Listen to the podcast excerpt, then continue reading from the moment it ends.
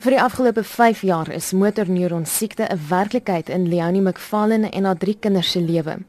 Haar man Stewart is met die siekte gediagnoseer. We were not really knowing what the disease was all about and um you read, you know you go on Google and you read and it was just horrible to see all these stories and the prognosis didn't look good etc.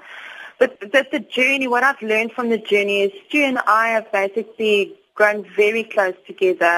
It's hard to see your loved one deteriorate in front of your eyes and there's absolutely nothing you can do for that person but just to love them and you know spend quality time and do the best that you can for them in the present moment.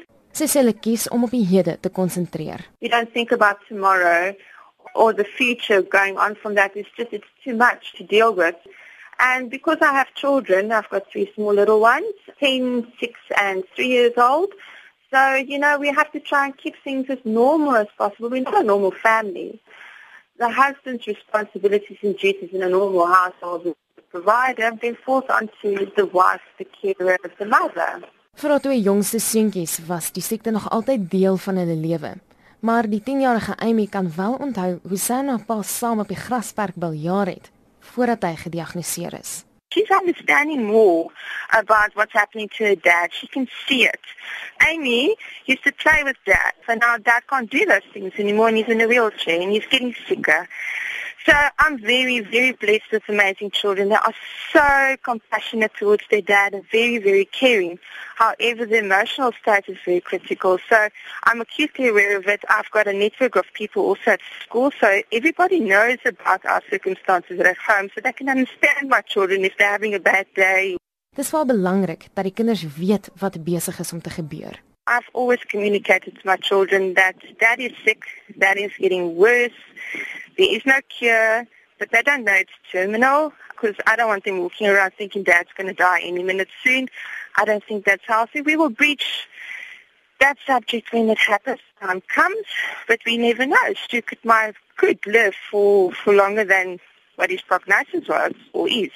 Maar wat van haar man?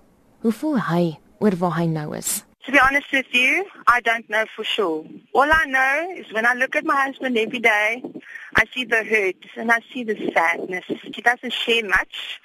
Um, and if he does share, it's very emotional. It's very traumatic. Sy sê sy het goeie ondersteuningsnetwerke en vind veral emosionele ondersteuning by die J9 stigting wat deur Joos van der Westhuizen gestig is. Haar raad aan diegene aan die begin van die siekte of teen die einde is om nooit op te hou hoop nie. It's putting yourself out there. It's not shying away. People do help. People do care. We've been watching all these um, people doing research and all these different trials. We, in my case, we might not see in my husband's lifetime any treatment or possible cure, but it will come. It will come. We need to be strong. We need to stand together. We need to raise the awareness even more. Dit was Leoni McFarlane. Haar man is 5 jaar terug gediagnoseer met motorneuron siekte. Ek is Marlene Forsie vir SAK nuus.